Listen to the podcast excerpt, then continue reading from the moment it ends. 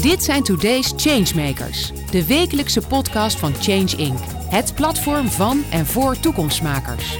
Iedere week gaat Paul van Liemt in gesprek met de mensen die vandaag al grote stappen zetten. Ze zijn open, niet bang, ze innoveren, ze voegen daad bij woord. Verandering als businessmodel. Ben jij dat? Dan zit je bij ons aan tafel. Welkom bij Changemaker College Lokaal versus Globaal. We duiken de collegebank in, slaan de studieboeken open en verdiepen ons in de uitdagingen en kansen van korte en lange ketens voor de verduurzaming. Een beetje kennis bijspijkeren, dat is namelijk hard nodig. Want de economische wereldorde is langzaam aan het afbrokkelen. Deglobalisering, reshoring en friendshoring is aan de orde van de dag, nu landen zich vooral richten op het veiligstellen van nationale belangen. Hoe reageer je daarop als onderneming? En is dit een vloek of juist een gift voor de duurzaamheidstransities? Zijn korte ketens ook duurzame ketens? En welke globale ketens blijven cruciaal voor duurzame verandering? In dit Changemaker College gaan we dieper in op de afwegingen rond het dilemma lokaal versus globaal. Mijn naam is Werner Schouten. Ik ben directeur bij de Impact Economy Foundation. En vandaag ga ik in gesprek met Annemieke van der Werf, directeur Business Development bij InvestNL. En Renko Schippers, oprichter van uh, Snack with Benefits. Welkom beiden. Dankjewel. Goedemiddag. Wij uh, zitten hier vandaag in Westbeat in Amsterdam, het college, het kantoor van uh, Change Inc. En we zitten niet alleen, we zitten namelijk voor een live publiek. En dat live publiek mag vandaag ook meedoen door vragen te stellen, in te breken, opmerkingen te maken en vooral ook ondernemerservaringen te delen. Dus uh, doe vooral met ons mee en wie weet wijs ik nog wel eens een, een vrijwilliger aan tijdens deze uitzending. Maar laten we eerst beginnen met, met de gasten. En ik, uh, om bij jou te beginnen, Annemieke. Jij bent uh, directeur Business Development bij InvestNL. Nou, kent menigeen InvestNL natuurlijk als, als investeerder in, in betekenisvolle startups. Maar jullie doen meer dan alleen investeren. En daar ben jij ten dele ook verantwoordelijk voor. Ja, dankjewel. Ja, we zijn een Nationaal Promotion Institute. En naast investeren houden we ons ook echt bezig om het versterken van de ketens, waar ondernemers een innovatieve of een uh, ja, technologische vernieuwing kunnen uh, uh, aanbrengen en die dan ook te versterken. En dat doen we door kennis aan te brengen, expertise en netwerk vanuit onze mensen en vanuit ons netwerk. Wat moet ik me dan voorstellen uh, van, van wat jullie samenbrengen of qua samenwerking realiseren? Nou, laten we even focussen op de energietransitie, want daar zitten we vandaag ook wel uh, met name naar te kijken. Daar houden we echt ons ook bezig om partijen te verbinden uh, door samen de vraag en aanbod te koppelen. En dan moet je bijvoorbeeld denken aan lokale energiehubs, waarbij we partijen proberen te verbinden en warmte, opslag en energie uit te wisselen voordat je dat aan het net vraagt, zodat je die optimalisatie van die vraag kan uh, realiseren middels contracten, middels samenwerkingsverbanden, afspraken met elkaar. En dat betekent niet altijd dat wij meteen moeten investeren, maar de afspraken die je met elkaar maakt versnelt de investeringsbeslissing van de partijen zelf. Dus eigenlijk maken jullie dan ook de markt uh, daarmee? Ja, we zijn wel een marketmaker. Ja. Wauw, dat is al een heel mooi voorbeeld, denk ik, van lokale energieketens ja. maken natuurlijk. Ik heb jullie ook van tevoren gevraagd, wat is nou het nieuwst wat je vandaag wil meenemen? Want ja, korte en lange ketens zijn buitengewoon actueel op dit moment. Ja. Wat is het nieuws dat jij hebt meegenomen voor deze Ja, ik heb het nieuws van gisteren meegenomen, waar uh, de kop in het FD was... Europarlement op ramkoers met EU-landen over rol financiële sector bij uh, ketenzorgplicht. Dus dat je echt inzichtelijk moet hebben als financier. Waar financier je nou? Wat financier je? En wat is de impact van jouw financiering op de keten? En heb je echt inzichtelijk waar de producten vandaan komen? En dat de ene kant van de financiële sector daar echt uh, moord en brand over schreeuwt... en de andere omarmt het. Uh, waarbij dan, dan de pensioenfondswereld aangaf ja, we willen graag investeren in een leven van morgen, zodat als je een pensioen uitkeert, dat de pensioengerechtigden dan ook in een leefbare wereld leven. Ja, want ik kan me voorstellen dat als je veel lange ketens hebt, dat je dat, je dat dan eigenlijk nu bijt als je daar in één keer een zorgplicht over gaat hebben. Ja, ik ben er niet eens dat het lang of kort. Ik denk inzichtelijk is belangrijk. En soms heb je echt partijen ertussen nodig om die verbinding te maken. Om dan vervolgens um, de partijen beter te verbinden. Dus ja, lang of kort ben ik nog niet helemaal over uit of dat dan altijd een betere keuze is als het korter is. Maar ben je wel warm voorstander dat er zo'n zorgplicht komt? Uh... Ik vind het belangrijk dat we met elkaar realiseren dat als je ergens je geld naartoe brengt of investeert, dat je snapt waarin dat dan is. En dat je dus echt bedenkt, it does matter wat je met je geld doet. Kijk, daar kunnen we het straks ook, ook nog even over hebben. Ik ga naar, de, naar Renko. Uh, snack with benefits. Het, het klinkt heerlijk. maar, maar wat doen jullie precies? Nou ja, wij maken dus uh, snacks met voordelen. En dat houdt dus echt letterlijk in dus dat wij van groente snacks maken. Nou, dat doen we ook nog een keer met de meest korte voedselketen. Um, dat houdt weer in dat wij alles uitrekenen in voedselkilometers terug van onze snack. Um, zo eet je dus nog uh, van onze cauliflower power nog geen 400 kilometer weg. Jullie uh, cauliflower power? Cauliflower is... power heet die. Dus uh, waar ons merk een unieke naam heeft, daar kan ik heel lang over vertellen. Maar in ieder geval, we zouden ooit het bedrijf Cauliflower Power beginnen. Nou, dat is uiteindelijk Snack with Benefits geworden. Um, maar dat doen we ook met onze Funky Fungi en onze Amazing Ribs. Dus dat, uh, en we zijn nog niet klaar. Dus uh, we hebben nog genoeg uh, producten die wij op de markt willen gaan brengen in de toekomst. zowel hier in Nederland als wie weet ooit daarbuiten. Nou, de catchy naam hebben jullie zeker op orde. Maar jullie werken dus ook op basis van jullie voedselkilometers zijn. Klopt, ja. We hebben, als je kijkt naar het begin van het bedrijf hebben we ons gelijk direct uitgedaagd van... hé, hey, waar komen onze grondstoffen vandaan? Dat was ook eigenlijk altijd de vraag die wij stelden aan, aan, aan onze producenten... of aan, aan grondstoffenleveranciers van... joh, um, kan jij mij vertellen waar het ook echt vandaan komt... Uh, zodat wij dat uh, ja, kunnen rekenen in, onze, uh, in, in voedselkilometers terug... Uh, dus dat houden in dat wij bijvoorbeeld onze krokante korst voor onze bloemkool hebben echt de allergrootste uitdaging uh, in, uh, gehad. Want aan de ene kant wil je gewoon een super lekker product. Maar aan de andere kant wouden we ook niet in, ja, wouden we ook geen omwegen gaan creëren. Dus zaten we bijvoorbeeld met panko te werken. En als je panko gebruikt, dan denk je, oh, dat zou je in Nederland wel goed moeten krijgen. Maar wij stelden ook altijd de vraag, laat staan als wij morgen nou 1000 of 5000 kilo bestellen, kan je het dan nog steeds leveren? En dan kwamen we al vaak uh, op, dat, op, op dat stuk kregen we dan het antwoord nee. Uh, dus zijn we gaan kijken wat, met welke grondstoffen kunnen we dat uh, wel gaan doen. Nou, dat is heel toevallig dat een vriend zei, joh, waarom, waarom gebruik je geen chips? Dus ik naar de winkel toe gerend, zak chips gehaald, toevallig van, van Hoekse Waard, van de boerderijchips, kapot geslagen. Dezelfde avond nog mee in de keuken getest. En dat bleek in één keer heel goed te werken. En vanuit mijn oude netwerk had ik nog contact met, met boer Henk. die leverde ook de chips op, op de luchthavens van, van Schiphol. En, en ik belde hem op. Ik zei, hoeveel afkeur heb jij nou eigenlijk per dag? keur je überhaupt iets af? Want ik, ik, had geen flauw idee, ik was er wel eens in de fabriek geweest. En dat bleek toch uh, af en toe tussen de 50 en de 100 kilo per dag te zijn. En toen dacht ik, oeh, dat is nog wel eens als ik dat doorreken... en hij gewoon op tijd gaat inzamelen, non-stop... dan zit daar genoeg volume in om in ieder geval uh, daarmee onze kosten te maken. Nou ja, zo geschiet. Dus dat uh, is ongeveer een derde van onze korst is nu minder knappe chips. Dus dat wat normaal de vergistering ging en ook nog een keer op transport ging.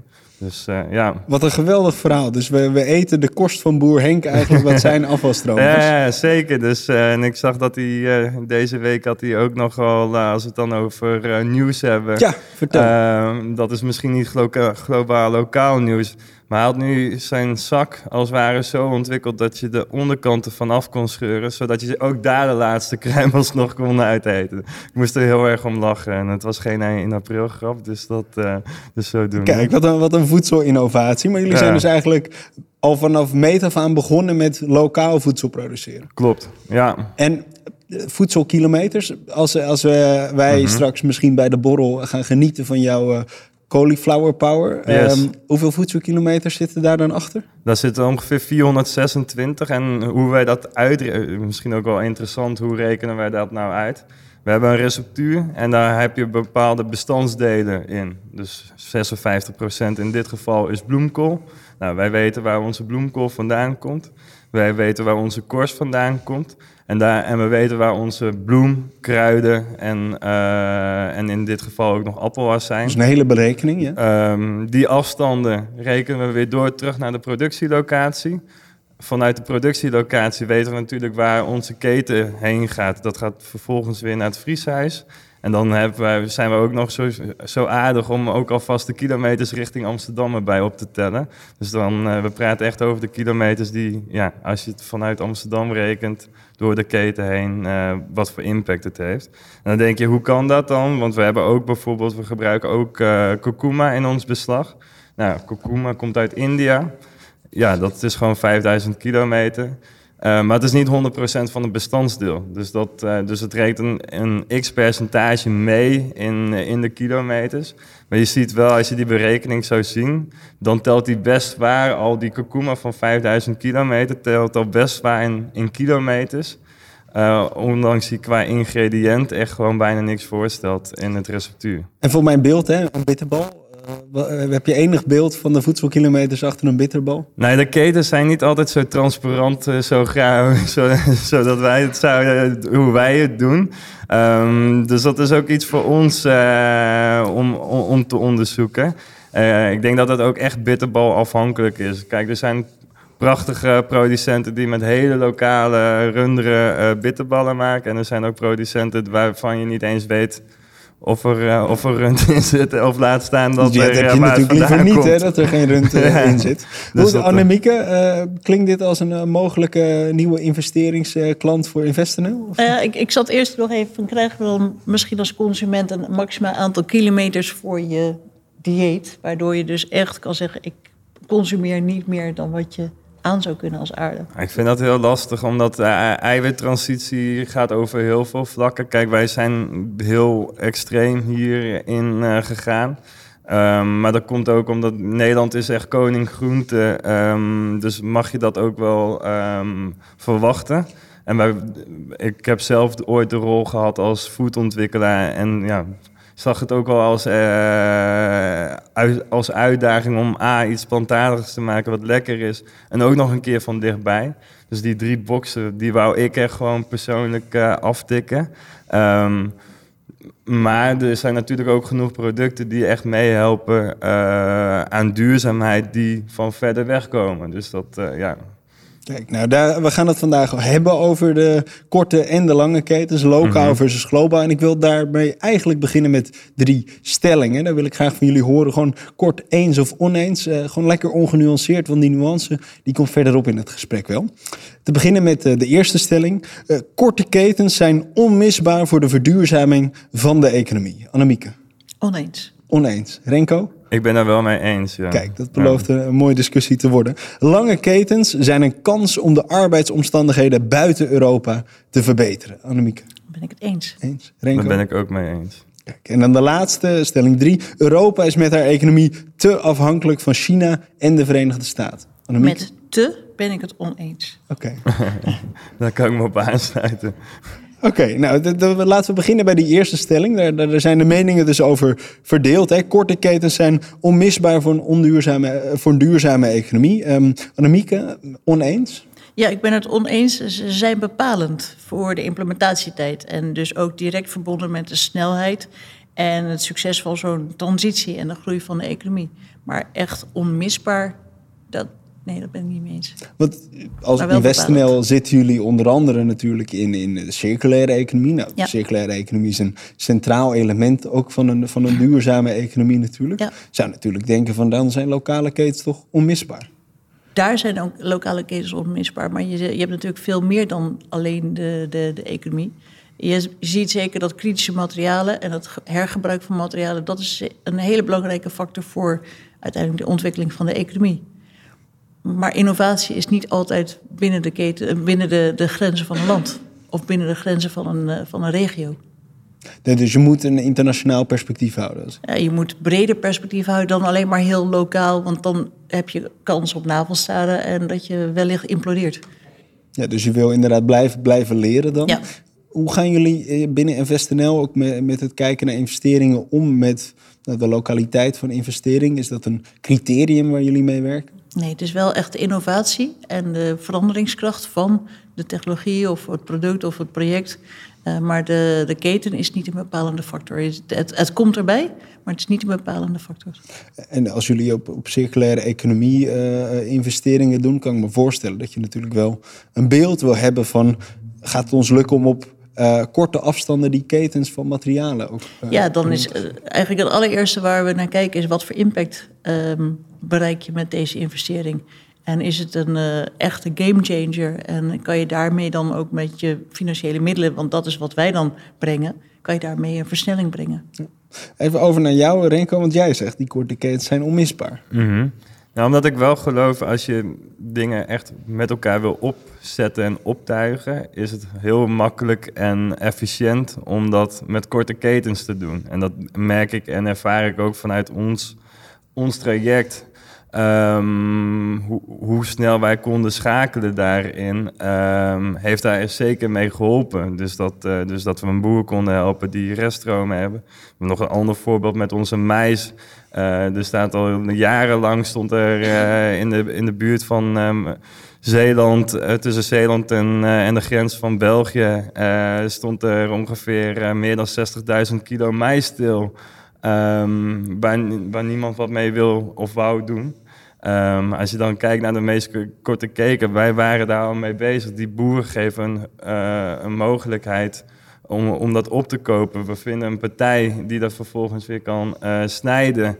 En vervolgens verkopen we het weer aan een Nederlandse partij in de horeca. Ja, dat zijn korte ketens. Um, uh, en werkt dat ook heel erg mee. Um, maar als ik het beeld nog iets verder wil schetsen, laat staan, we groeien snel met ons bedrijf. We hebben ook gekeken van, laat staan als wij nou morgen in, in het buitenland actief willen gaan zijn. Dus we gaan morgen naar Spanje toe. Hoe gaan we het dan doen? Gaan we ons product vervolgens uh, het vliegtuig insturen of, of op het schip? En Moet je lokaal weer die ecosystemen gaan maken? Of gaan we lokaal weer dat ecosysteem neerzetten? En ik geloof in dat laatste, omdat dat A de kracht is. Dat is de reden waarom A de consument, denk ik, grotendeels uh, die het verhaal weet, ons product verkoopt. Maar ook de horeca-ondernemer die uh, weet dat het product lokaal is, uh, dat het met lokale resources gebruikt is. Dus als ik in Spanje het verhaal van Hoekse Waard ga vertellen, gaat niemand het snappen. Dus dat, maar als ik daar het verhaal van El Torres Chips, wat een grootste chipsmerk van Spanje vertel, dat we daar de reststromen aan het redden zijn, dan worden de Spanjaarden denk ik enthousiast. Dus dat, dus ik denk, het is ook maar heel erg bepalend van welk verhaal, uh, wanneer. Uh, en dat geldt niet voor alles. Dus dat. Uh, over die schaalbaarheid, daar gaan we het straks ook nog over Ja. hebben. Um, maar wat je zegt is natuurlijk heel interessant. Is dat je dus door korte ketens te maken en door oog te hebben voor je omgeving, dat je daarmee ook verspillingen uit het systeem haalt. Zoals Mhm. met de mais bijvoorbeeld. Absoluut. En dat, daar geloof ik wel in, omdat je veel beter weet wat er ja, speelt, ehm, dan dat je ja, heel globaal acteert. Vind je dat, dat veel ondernemers die kansen dan eigenlijk laten liggen op dat vlak? Ehm, ik weet niet of ze de kansen laten liggen. Ik weet niet of ze het altijd of zichtbaar hebben. En het is moeilijk als je al groter bent om daar vaak verandering in te brengen. Dus Ehm, je, Dat vergt enige uitdaging en eh, ja. Ja, opschaling is natuurlijk daar ook een vraagstuk bij. Van hoe schaal je jezelf op door wel je lokale karakter te behouden. ehm, en dan met andere partijen samen te werken. En dan cre- creëer je al snel tussen partijen. En dan creëer je automatisch ook langere ketens. Mhm. Is dat altijd slecht? Dat weet ik niet, want je brengt ook je kennis weer mee naar die ketens. Zolang je inzichtelijk kan maken wat voor impact je creëert... of wat voor bezuinigingen of, of verspilling je tegengaat... ehm, ben je volgens mij al verder. En dan hoeft het niet per definitie een kortere keten te zijn. dus het gaat eigenlijk meer om, om de impact first en dan de, de Transparantie tweede komt van de, de lengte keten, van ja. de keten. En die transparantie van de keten, waar de financier dus nu naar zou moeten gaan kijken, dat helpt om verspilling tegen te gaan of verbetering in de keten te, ver- tot stand te brengen. En wat zijn nou parels die Inve- InvestNL eigenlijk in de portefeuille heeft op het gebied van ja, lokale ondernemers eh, met korte ketens? Ja, nou ja, we hebben het er straks over een andere nog, maar ik wilde heel graag SIF onder de aandacht brengen. Dus een eh, grote partij die de mast voor windmolens op zee faciliteert. SIF is een echt een voor- voorbeeld van een nieuwe groene economie en industrie. Het soort bedrijf dat de weg effen naar een carbonneutrale economie.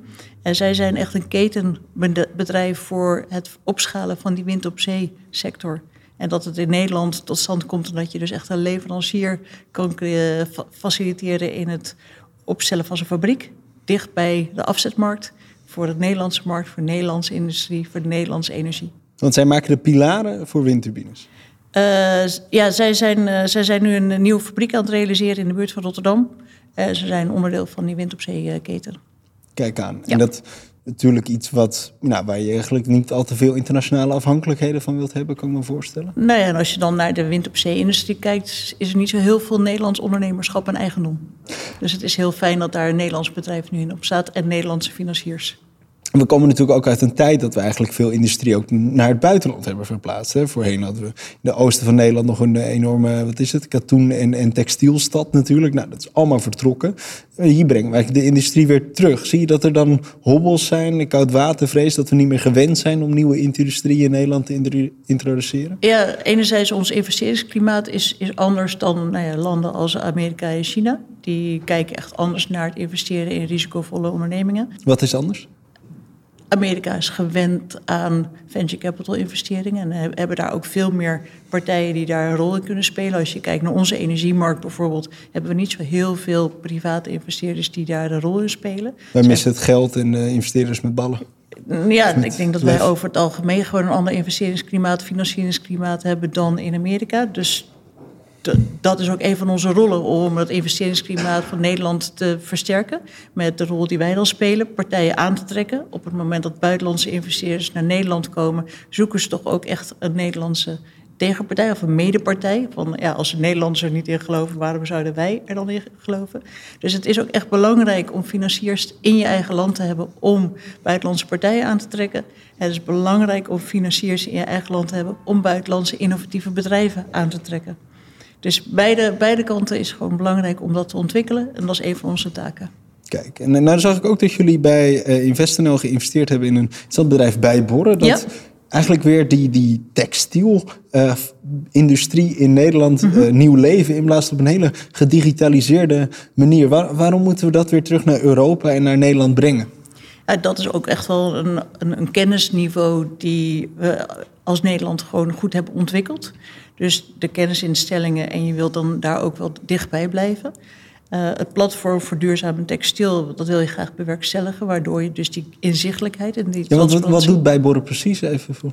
Bijborren is een uh, uh, geavanceerde software en heeft een gebruiksvriendelijke en interactieve manier van inzichten creëren in verminderde milieu-impact en uitgespaarde uitstoot in alle fasen van de levenscyclus van textiel. Het platform biedt gebruikers de middelen die nodig zijn om positieve veranderingen door te voeren en duurzaamheid in de textielindustrie te vergroten.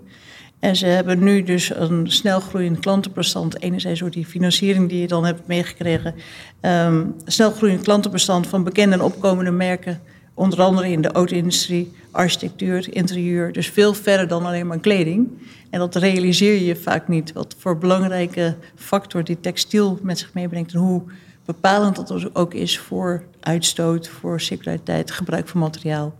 Dus dat helpt eigenlijk ontzettend om, om de textiel weer in Nederland te gaan maken, zodat we het ook duurzamer kunnen doen? Nou, in ieder geval de inzichtelijkheid van de ketens te vergroten. En daarmee je impact tot eh, op de juiste manier tot stand te brengen.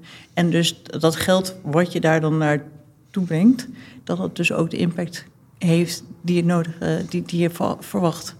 En de combinatie dan met zowel fondsinvesteerders als private investeerders, angel investors en wij, zorgt ervoor dat zo'n bedrijf dan ook kan opschalen. Tegelijkertijd, hè, je ziet nu meer. Allereerst denk ik uh, kledingfabrieken die starten in Turkije, in Portugal, om um, ter compensatie van wat we voorheen in Azië deden eigenlijk. Um, Tegelijkertijd zou je natuurlijk ook kunnen zeggen, en daar ging de tweede stelling over, lange ketens zijn een kans om de arbeidsomstandigheden buiten Europa te verbeteren. Um, is het ook niet een beetje gemakkelijk om te zeggen van nou, we gaan het weer terug naar Europa doen en dan voorkomen, nou, dan ontnemen we ons eigenlijk de impact om het daar beter te organiseren. Annemieke, jij zei dat je het daar oneens mee was. Nee, ik ben lange ketens is een kans om arbeid. Daar was ik het mee eens. Oh, sorry, ja. ja. Nee, daar ben ik het mee eens. Omdat als je het dan inzichtelijk kan krijgen en je kan zien wat voor impact je hebt, dan is het ook een investeringsmogelijkheid voor partijen die dat dus belangrijk vinden. En we vinden het steeds meer en meer belangrijk. Als de consument dan ook die producten wil afnemen, dan zal je ook inzichtelijk moeten maken hoe dat gesteld is met de arbeidsomstandigheden. Ja, dus ik vind dat, ik vind dat dus een lange keten is een kans. Hoe maak je dan die balans tussen van of we willen het juist in Bangladesh doen om, om die impact daar uh, te maken, of we halen het toch weer terug naar Europa? Ik denk dat, door, dat je die afweging kan maken door je impact nogmaals te meten. En anders is het de engagement die je tot stand kan brengen. Dus ben je in staat om via engagement dat soort bedrijven tot een verbetering te komen, dan heb je impact. Ben je er niet toe in staat, ja, dan moet je misschien overwegen om toch je, je in ons geval hè, met een financiële investeerdersrol, dat je dan je middelen ergens anders aan toewendt.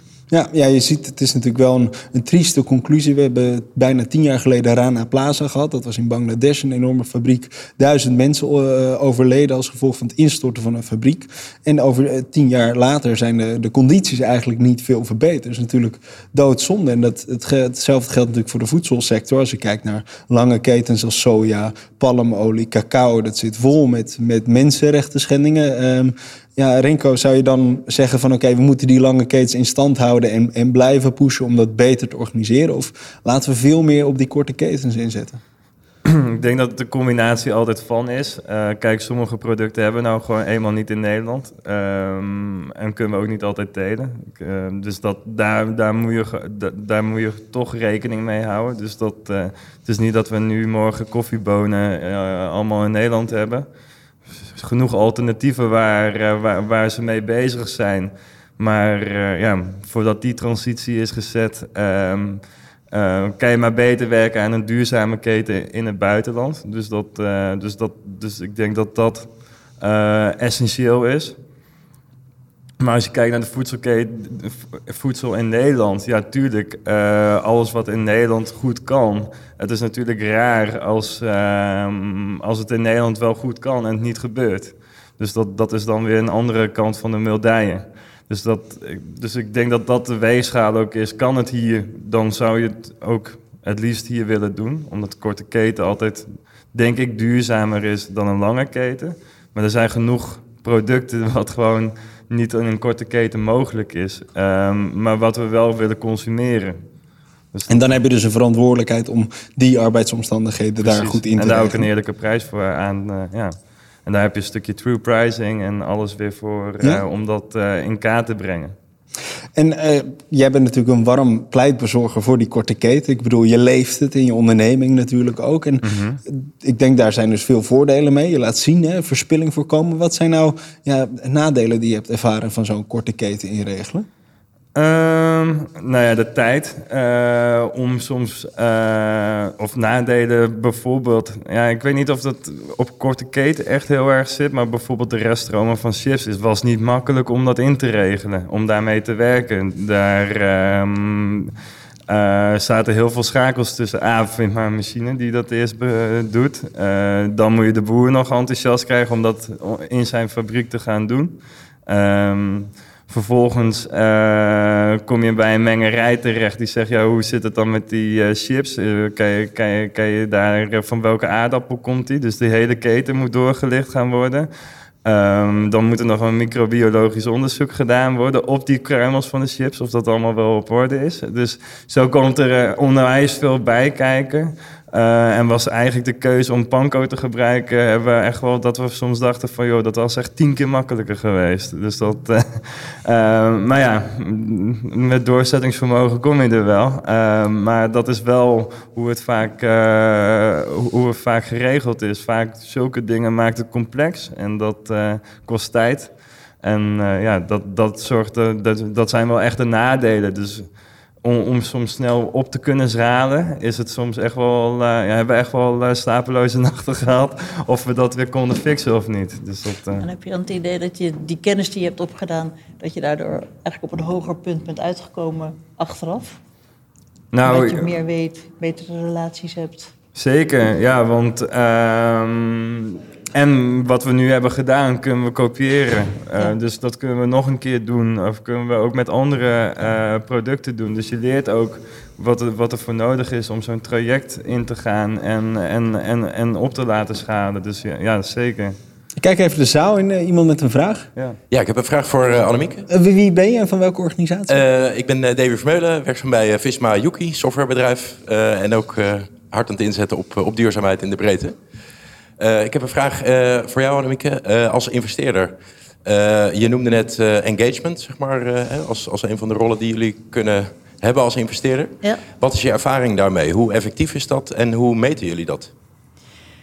Um, nou, in, in deze functie nog niet zo heel veel, maar wel gewoon dat we de partijen waarmee we werken, daar zitten we natuurlijk vol naar te kijken wat voor impact. Uh, we werken daar ook met externe partijen om die impact te meten. En de partijen die daarin meegaan, um, die geven aan van dit helpt ons enorm. Het geeft ons ook beter toegang tot financiering. Als je dus inzichtelijk maakt wat voor impact je creëert en hoe je daar dan uiteindelijk ook naar uh, toe opereert, kan je ook weer een benchmark uh, vorming uh, tot stand brengen. Dus het, soms geeft het gewoon een enorme duw in de rug om een bepaalde kant uit te gaan die dus qua impact verbetert of qua footprint ver, verbetert. Um, dus dat, dat zijn de aspecten van engagement.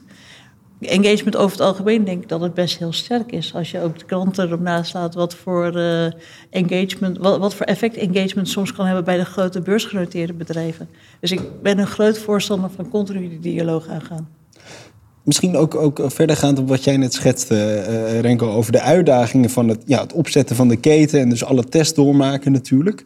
Um, als jij als investeerder bij, bij Renko in het bedrijf zou zitten, zou je dan niet denken van joh, gebruik gewoon die banco, makkelijk. Dat scheelt ook een heleboel uh, financieel rendement waarschijnlijk, minder slapeloze nachten. Zou dat niet een, een, een, ja, een soort van driver zijn waar, waar je als investeerder dan denkt van dat is toch heel inefficiënt dan eigenlijk om zo door te zetten op die lokale keten? Nou ja, dat was ook de reden waarom ik vroeg. Je hebt er enorm veel van geleerd. En dus ja, het doorzetten op een bepaald aspect. Wat, wat je dacht van, ik, nou, ik geef het bijna op. Maar nu ga je het op andere producten doorvoeren. En kan je daarmee opschalen. En natuurlijk moet je op een gegeven moment ook kunnen, een besluitvorming kunnen uh, tot stand brengen van misschien moet ik er maar mee stoppen. Uh, maar dat is echt aan de ondernemer zelf. Dat kan je challengen als aandeelhouder, engagement opzoeken van is het nu wel de juiste manier. Maar op het moment dat je met de mainstream doorgaat zoals het vandaag altijd al is gegaan, zal je ook niet die innovatie met zich meebrengen en verduurzaming uh, op die innovatie en die opschaling tot stand brengen. Dus in de aanpak zie je juist een kans ook voor, voor de innovatie ja. en de ontwikkeling. Als je het kan meten op een gegeven moment, dat zou fijn zijn. Mm -hmm. Dat, dat zou helpen. Maar in, initieel, op het moment dat je zo'n verduurzamingsslag lokaal probeert tot stand te brengen.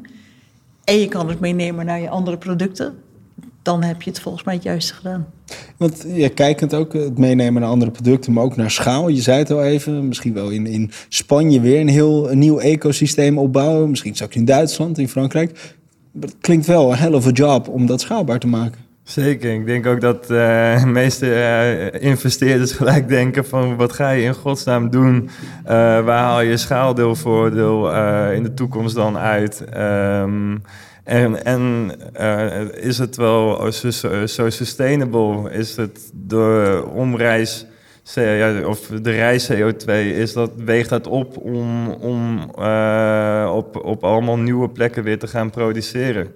En dat zijn ook allemaal vragen die je moet gaan uh, beantwoorden als je die, uh, die stap gaat zetten. Dus dat is ook iets waar we de komende tijd mee bezig gaan van ja, wat is nou zo duurzaam om richting het buitenland te gaan? Jullie hebben wel internationale ambities. Zeker, ja, absoluut. Dus Kijk dat, aan, dus dat, uh, dat, dat zit er dan aan te komen. Maar ik ben ook wel benieuwd, Annemieke, wat vraagt het als, als investeerder eigenlijk om ja, zulke ondernemers met, met die, die focus op het creëren van een lokaal ecosysteem, om die te faciliteren? Hoe moet je daar anders als investeerder in zitten? Allereerst gaat het om het begrip van de vraagstukken waar je tegenaan loopt op het moment dat je het dus echt lokaal probeert te doen en dat, dat je dus missende elementen op een andere manier moet invullen. Het begrip daarvoor. Uh, en het begrip ook voor dat het soms langer duurt, dat het tegen kan zitten en dat je uh, nou ja, kijkt naar de regeneratieve landbouw. Ik weet niet of je My Little Farm hebt gezien. Voor elk probleem wat je oplost krijg je er geloof ik twee weer voor terug. Dat je dat, dat, dat, je dat beseft. Hm. Dus je moet inderdaad ja, meeleven eigenlijk met de ondernemer om te beseffen inderdaad welke journey deze persoon ja, in zit. En dus heb je uh, investeerders nodig die snapt wat een innovatie met zich meebrengt, die snapt wat opschaling met zich meebrengt, die ook snapt wat voor mensen daarbij passen, ja. wat voor expertise. De kennis uh, hebben we hier nog even volledig buiten beschouwing gelaten, maar het vereist echt lokale kennis en uh, begrip van de cultuur om te kijken of zo'n product dan ook lukt. En dat doen jullie dus ook als InvestNL, die betrokkenheid leveren bij jullie investeringen? Je kijkt ook voornamelijk van wie zijn de andere investeerders. Uh, het eerste wat ondernemers vragen, vaak vragen is wat voor investeerder heb ik nodig? Ja, dat is echt afhankelijk van wat past ook bij je bedrijf. En hoe wil je groeien? Wat is je, wat, wat past, welk geld past daar dan bij? En je zei eerder natuurlijk ook dat InvestNL niet alleen op, op het investeren zit, maar juist ook op het, het condities, uh, de condities realiseren voor bijvoorbeeld lokale ketens, voor bijvoorbeeld uh, lokale energieketens. Bijvoorbeeld. Ja. Uh, wat voor werk ondernemen jullie daarop om dat ook echt mogelijk te maken verder? Ja, wij proberen echt financierbaar te maken wat nu niet financierbaar lijkt. En die vraagstukken lopen ontzettend uiteen. De ene keer is het de wetgeving, de andere keer is het uh, het gebrek aan expertise, de volgende keer is het gebrek aan professionele afspraken. Dus voor mij zou echt nu de vraag aan iedereen die dit nu hoort: van als je merkt dat, je, dat de investeerders nog niet kunnen financieren, wat is dan de meest gehoorde reden waarom ze dat niet deden? En welke hulpvraag kan je dan aan mij stellen wat de keten betreft. Want vaak zit het voor of achter je in de keten. Zijn er uh, schakels in die keten die nog niet sterk genoeg zijn, die het nog niet kunnen dragen. Waarom zijn die niet in staat om dat te dragen? En die hulpvraag die krijg ik graag. En waar ik ook benieuwd naar ben, hè? Je, je, noemde net ook, ook bij Borre die dus lokaal textiel maakt. Maar hoe verleiden we dan ook de, de grote ondernemingen, de, de H&M's en de Zara's van deze wereld, om ook die ketens lokaal in te gaan vullen? Als je de, vervolgens die impact kan, uh, kan, kan duidelijk maken van welke impact bereik je daarmee, of creëer je daarmee. En bij Borden is volgens mij met name een platform om te zorgen dat de keten elkaar ontmoet. Uh -huh. En die kennis die je met elkaar kan delen. Om dan vervolgens ook een product te maken die wij met z'n allen uh, ook omarmen. Ik kijk ook naar jou, Renko. Ik kan me voorstellen dat jij natuurlijk ook een inspiratiebron wil zijn voor de, de Friesland Campina's en de Unilevers van deze wereld. Om ook veel lokaler te gaan zijn.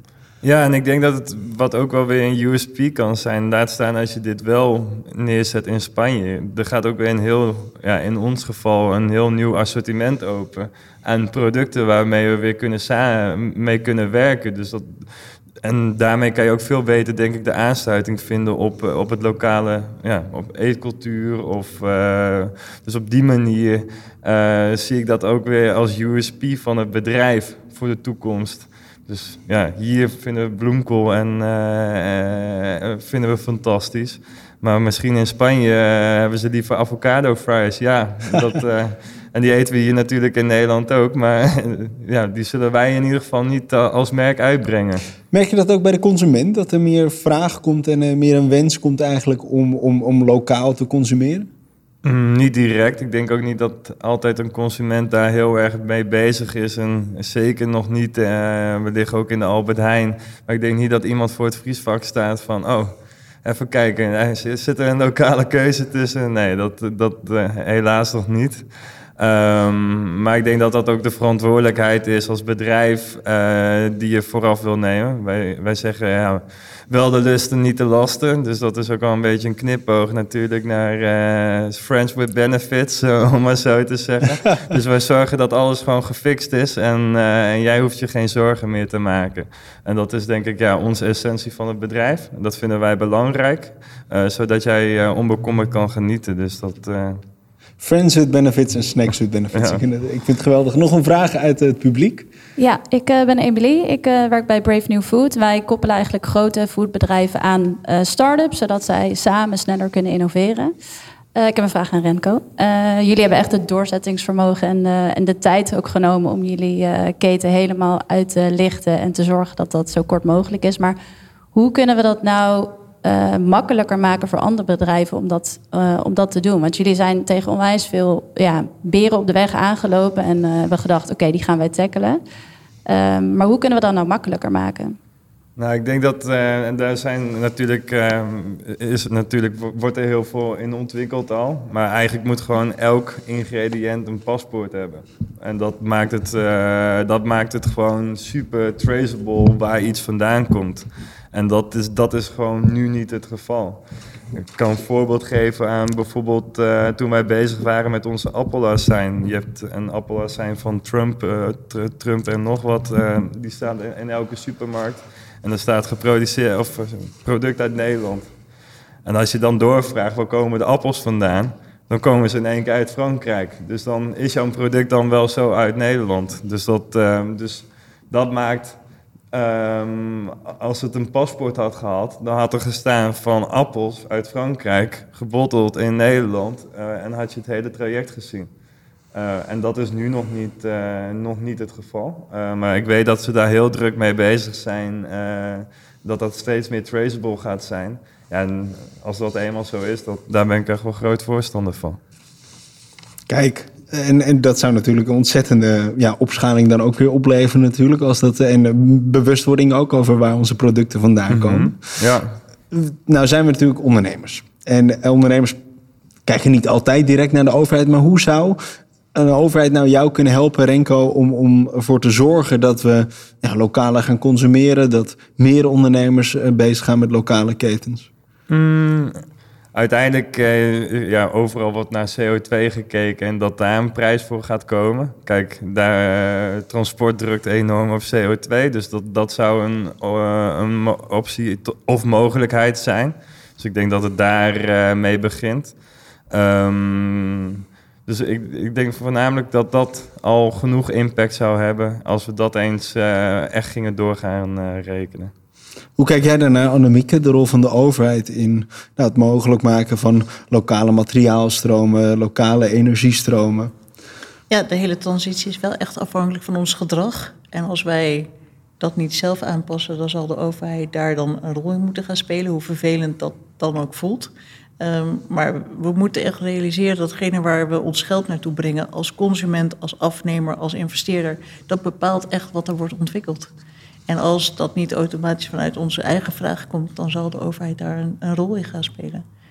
Ja, over de rol van de overheid gesproken. We zien natuurlijk ook, ook steeds meer overheden die daar een rol in gaan spelen. Als je kijkt geopolitiek gebeurt er natuurlijk veel. Amerika die recent een Inflation Reduction Act heeft, geïntroduceerd. Die zegt van nou, we geven belastingkortingen aan bijvoorbeeld uh, elektrische auto's... wanneer x procent van de batterijen en van de, van de materialen in Noord-Amerika of van bevriende landen, uh, uh, in bevriende landen wordt geproduceerd dat is natuurlijk een enorme stimulus om ook ja, lokaal te gaan produceren. Kan ook ertoe leiden dat we natuurlijk in Europa um, een, een uitvlucht gaan zien van innovatieve bedrijven die misschien naar, naar de VS willen, omdat ze daar hele mooie belastingvoordelen op kunnen strijken. Annemieke, is dat een, een zorg die je hebt? Dat we steeds protectionistischer worden en wel lokaler gaan zijn, maar mogelijk ook uh, nou, minder collaboratief op, uh, op internationale schaal? Ja en nee, want je ziet natuurlijk ook een Europees antwoord hier nu op. Uh, Europa is ook aan het kijken van hoe kan je de, de industriële ontwikkeling en de technologieontwikkeling tot versnellen en, goed ondersteunen. Je ziet enorm veel programma's nu vanuit de lidstaten om te zorgen dat onze technologie en de investeringen daaromheen um, hier blijven. En dat je dus uh, daarmee ook een, een, participatie van partijen die je liever niet aan boord hebt, of waar je liever niet je, je technologie of je kennis naartoe laat gaan, dat je die dan buitensluit.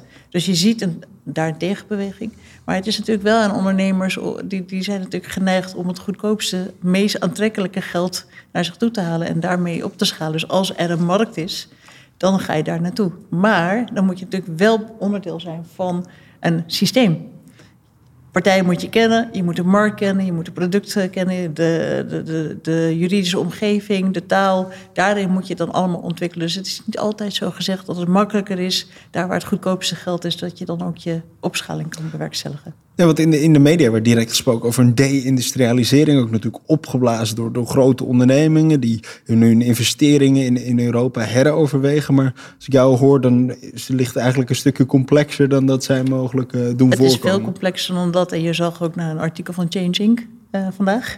Dat het dus niet altijd op basis van die regelgeving dat mensen daardoor wegvliegen. Het is ook gewoon waar ligt je markt? En wat is de afnamekracht van die markt? En hoe ontwikkel je daarin? En, nou ja, uh, jij zegt uh, avocado chips in Spanje, bloemkool in Nederland. Misschien is dat inderdaad dan voor veel, veel meer producten van toepassing.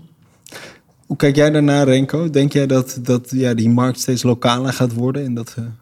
Ja, dat denk ik wel. Ja, omdat je ook beter aansluiting vindt op, op de vraag van publiek en consument. Dus dat, en ik hoop het ook. Dus dat, dat, dat we dat ook steeds meer gaan vragen En dat we dat ook van bedrijven mogen ja, eisen op een bepaald moment. Dus dat, uh, en wat jij aangeeft van met die ketens, je, je start niet zomaar een keten op in een ander land. Weet je, dat, dus als ik zie hoe, hoe lang wij al bezig zijn geweest om deze keten hier neer te gaan uh, zetten. Um, en dat, dan, dan, dan heb je al zoveel jaar ervaring vanuit uh, dat, dat je de weg weet te bewandelen en dat je mensen kent. Maar het is ook vaak veel relaties. Uh, Hele oude relaties. Ja, ja. Met Westland bijvoorbeeld. Hele oude relaties die elkaar al decennia lang helpen. Dat neem, dat neem je niet zomaar mee. Dat zijn natuurlijk de fundamenten van een goede onderneming. En dat... ja, absoluut. Dus dat, maar dat, dat maakt misschien de opschaling in andere landen dan nog wel des te moeilijker. Nou ja, wie weet. Of, of je zoekt daar weer juist mensen die uh, eigenlijk daar en, en, en, die je enthousiast maakt met jouw verhaal en bedrijf. En daar de kennis al hebben om, om, om dat samen met jou daarop te starten.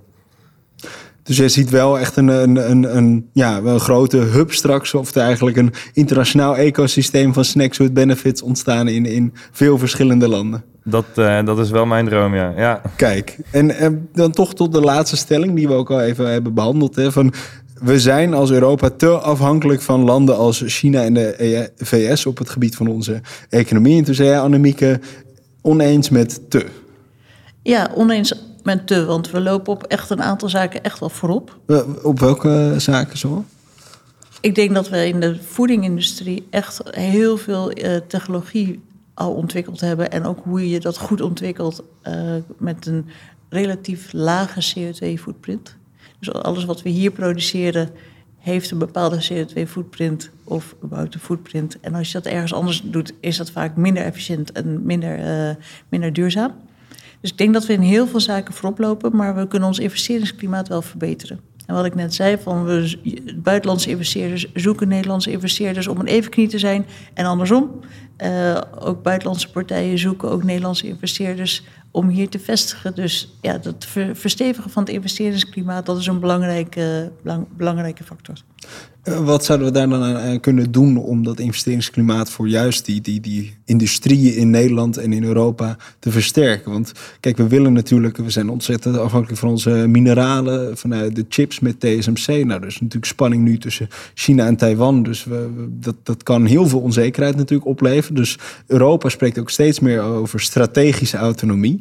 Nou, dat klinkt natuurlijk als een gigantische investeringskans om ook in Europa chipsfabrieken te gaan uh, neerzetten. Om in Europa die industrie eigenlijk weer op te gaan bouwen, wat we eerder niet hadden. Maar hoe kunnen we dat investeringsklimaat daar dan voor verbeteren, Annemieke? Ja, nou ja, daar zijn wij dus enerzijds een partij voor om uh, de tegenpartij te zijn of de mede-investeerder te zijn. Uh, om daarmee dan andere investeerders te ontwikkelen. We zijn ook een investeerder in fondsen. Uh, daar waar wij dan niet direct die investeringen kunnen doen, maar wel die fondsen die dat dan kunnen. Om daarmee investeerders naar Nederland te halen die uh, innovatieve technologieën of innovatieve projecten of bedrijven kunnen financieren. En door dan zo'n klimaat te, te, creëren, hoop je ook andere partijen die met de investeringskracht komen. Vind je dat, dat bijvoorbeeld Nederlandse pensioenfondsen, een enorme bulk met geld die daar natuurlijk ligt, uh, het is als ik het goed heb zo'n 1800 miljard, misschien nog wel meer, uh, doen die voldoende om het bijvoorbeeld in Europa en in Nederland te investeren in jouw optiek? Nou, we hebben nog vijf minuten. ja, nee, ik, ja, ja en nee. Ik, de, de achtergrond van een pensioenfonds is heel complex. Je bent enerzijds uh, heb je de de plicht om in, of de fiduciary duty, die, zoals dat dan heet, voor, om voor je land te zorgen. Maar je hebt ook de, het belang van een goed gespreide portefeuille met een diversiteit aan, aan, aan opportunities en risico's. Dus gegeven datgene dat je je populatie in Nederland hebt, moet je zorgen voor een goed levenskwaliteit op termijn. En dus zij zoeken naar, naar investeringskansen die op termijn een goed levenskwaliteit uh, nastreven. En dat is niet altijd in je eigen land, maar dat is ook in je eigen land. Um, ze worden behoorlijk gevraagd, maar er moeten ook goede kansen liggen die dat risico voldoende, uh, die dat risico voldoende hebben afgedekt voor het mandaat wat zij hebben. Ja, want er is natuurlijk wel ontzettend veel, veel geld nodig. Dus echt een verschuiving zouden we natuurlijk, eh, denk ik, wel graag zien. Als ik kijk naar jou, Renko, hoe zit het voor jullie? Is dat moeilijk om, om geld op te halen, om die lokale ecosystemen op te bouwen? Mm, nou, het, het, is altijd wel, uh, je hebt meer uit te leggen, laat ik het zo zeggen. Dus dat... Um, Dus ja, we hebben heel veel te vertellen als bedrijf. En dat is soms ook wel het lastige. Dus soms de kern raken is soms eh, daarin beter. Ik denk dat veel, eh, als we een gesprek aangaan met investeerders, dat ze ook wel eens denken: wat doen ze nou eigenlijk al, allemaal? Ehm, want ze redden producten en ze doen een korte voedselketen. En, en eh, ja, is het niet goed om gewoon één ding te doen? Ehm, dus dat, dat De investeerders wel wil een- het simpel houden. Simpel houden, ja. ja. Tenminste, dat is wel eens wat wij eh, terugkrijgen. Of in ieder geval dat het niet altijd voor hun nog eh, duidelijk is. Of dat komt door ons, dat we het nog duidelijker moeten uitleggen. Of in ieder geval, het is gewoon heel veel wat we aan het eh, doen zijn. Ehm, anderzijds, ehm, we bestaan echt nog maar een jaar, net iets langer dan een jaar. Dus eh, we hebben het geluk gehad dat we heel, hele goede angels aan, aan boord hebben. Die, die, die ons, ons enorm helpen en, en coachen. Ehm, we zijn nu wel op zoek naar eh, nieuw kapitaal voor de toekomst. Ehm, dat is om als eerste om het groente eh, snackmerk van eh, Nederland te worden. Daar zijn we goed op weg naar. Maar, en dan, dan proberen we dat daarna buiten, te- buiten, buiten Nederland te gaan doen. Maar Even Ja. voor een beeld voor jullie schouw. Hoeveel, hoeveel snacks zetten jullie af in Nederland? Afgelopen jaar hebben we, even zien, eh, zaten we rond eh, net onder de 100.000 kilo. Dus, dat, eh, dus dan moet je denken aan ongeveer eh, 600.000 porties. Eh, dit jaar willen we over de miljoen heen. Dus eh, een miljoen porties snacks eh, serveren. Ja, dus dat, eh, dat klinkt gelijk ook eh, heel veel. Maar eh, dat is onze doelstelling voor dit jaar. Ehm, dus dat, eh, de- en dat gaan we ook gewoon halen. En jullie liggen al in de grootschappen van de supermarkten? of? Ja, ja we liggen in, eh, in 400 Albert Heijns. Eh, dat hebben we sinds week 48 eh, vorig jaar gelanceerd. Net voordat iedereen het einde jaar ging vieren. Dus dat was denk ik een hele mooie introductiedatum die we mochten doen. En we doen voornamelijk heel veel horeca. En we liggen nu bij alle groothandels in, in Nederland. Dus dat, dat maakt Men het, weet eh, jullie te vinden. Dat- Ja, ja, zeker. En, en eh, misschien als laatste vraag voordat we naar de afsluiting gaan, ben ik wel benieuwd wat als boer Henk ermee stopt. Dan moeten we op zoek naar een nieuwe, een nieuwe chipsleverancier. Gelukkig zijn er nog heel veel in Nederland. Dus dat, eh, maar ik eh, weet zeker dat Boer Henk nog niet gaat stoppen. Dus dat, eh, Als lokale ondernemer lig je daar niet wakker van. Nee, nee, nee, zeker. Nou, we hebben wel bijvoorbeeld, dat is wel grappig dat je deze vraag stelt. Ik weet niet hoeveel tijd we nog hebben. Maar bijvoorbeeld Hugo Jansen, die, die in het zuiden van het land met onze mais. Ja, die man is wel gewoon op leeftijd. Ja, dat is, eh, dat is dan altijd wel spannend. eh er ligt een flinke voorraad mais die wij nog willen redden. Dus dat, maar ondertussen zijn we al in gesprek ook met de meerdere partijen om te kijken van ja, is er nog meer te redden? Dus, dus dat komt ook. Zelfs binnen Nederland moet je eigenlijk diversificeren van je sources hebben. Nu al, ja, omdat we vorig jaar dat volume er al doorheen hebben gedaan. Ja. Ja. Nou, echt een strategische lokale ondernemer, zo, zo te horen. Afsluitend, ik kijk even naar jou, Annemieke. We hebben natuurlijk veel gehad over, over goed investeringsklimaat creëren in Nederland. De condities die InvestNL, waar InvestNL ook aan werkt, het markt creëren. Wat zou je nou, luisteraars, dat zijn fondsen, dat zijn ondernemers. Wat zou je hen nou willen meegeven om morgen anders te doen? Je ziet al ontzettend veel bewegingen die kant uit, maar het is dus echt bepalend wat je met je geld doet. Dus op het moment dat je een bepaalde investering doet en je kan daar een impact mee creëren en je kan dat meetbaar maken, dan, dan is, dat, is dat gewoon voor de volgende stap. Ehm, ja, daar blijft het bij. Gewoon zowel aan de consumentenkant als aan de afnemerskant als aan de investeringskant. Het is echt bepalend wat je doet met je geld. Dus eigenlijk wees een impact-first eh, investeerder. Ja. Renko, wat zou jij willen meegeven om ervoor te zorgen dat we straks gewoon lokaal helemaal geen verloren groenten meer hebben of eh, dat we gewoon een hele lokaal voedselsysteem hebben? Ehm, kijken waar kansen liggen. En ehm, dat, is denk ik het eh, allermooiste. En als je, daar, eh, als je dat weet om te buigen tot een, ja, in ons geval een product, dan kan je daar echt, echt voordelen uithalen. Ah, je hebt een knijtersterk verhaal, je doet iets wat een ander niet doet.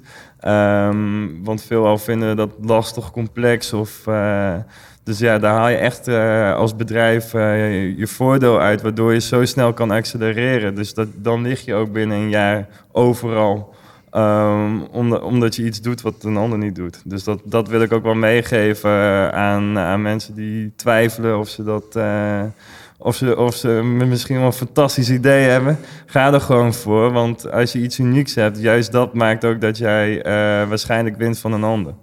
Oh, daar doen we het voor. Ik dank jullie hartelijk. Annemieke van der Werf, directeur Business Development bij InvestNL. En Renko Schippers, oprichter van Snack with Benefits. En jullie bedankt voor het luisteren naar dit Changemaker College. Volgende week staat er weer een Kakel versus Today's Changemaker voor je klaar. En volgend kwartaal op 29 juni staat het volgende Changemaker College op de agenda over biodiversiteit en voedselzekerheid. Dank jullie wel.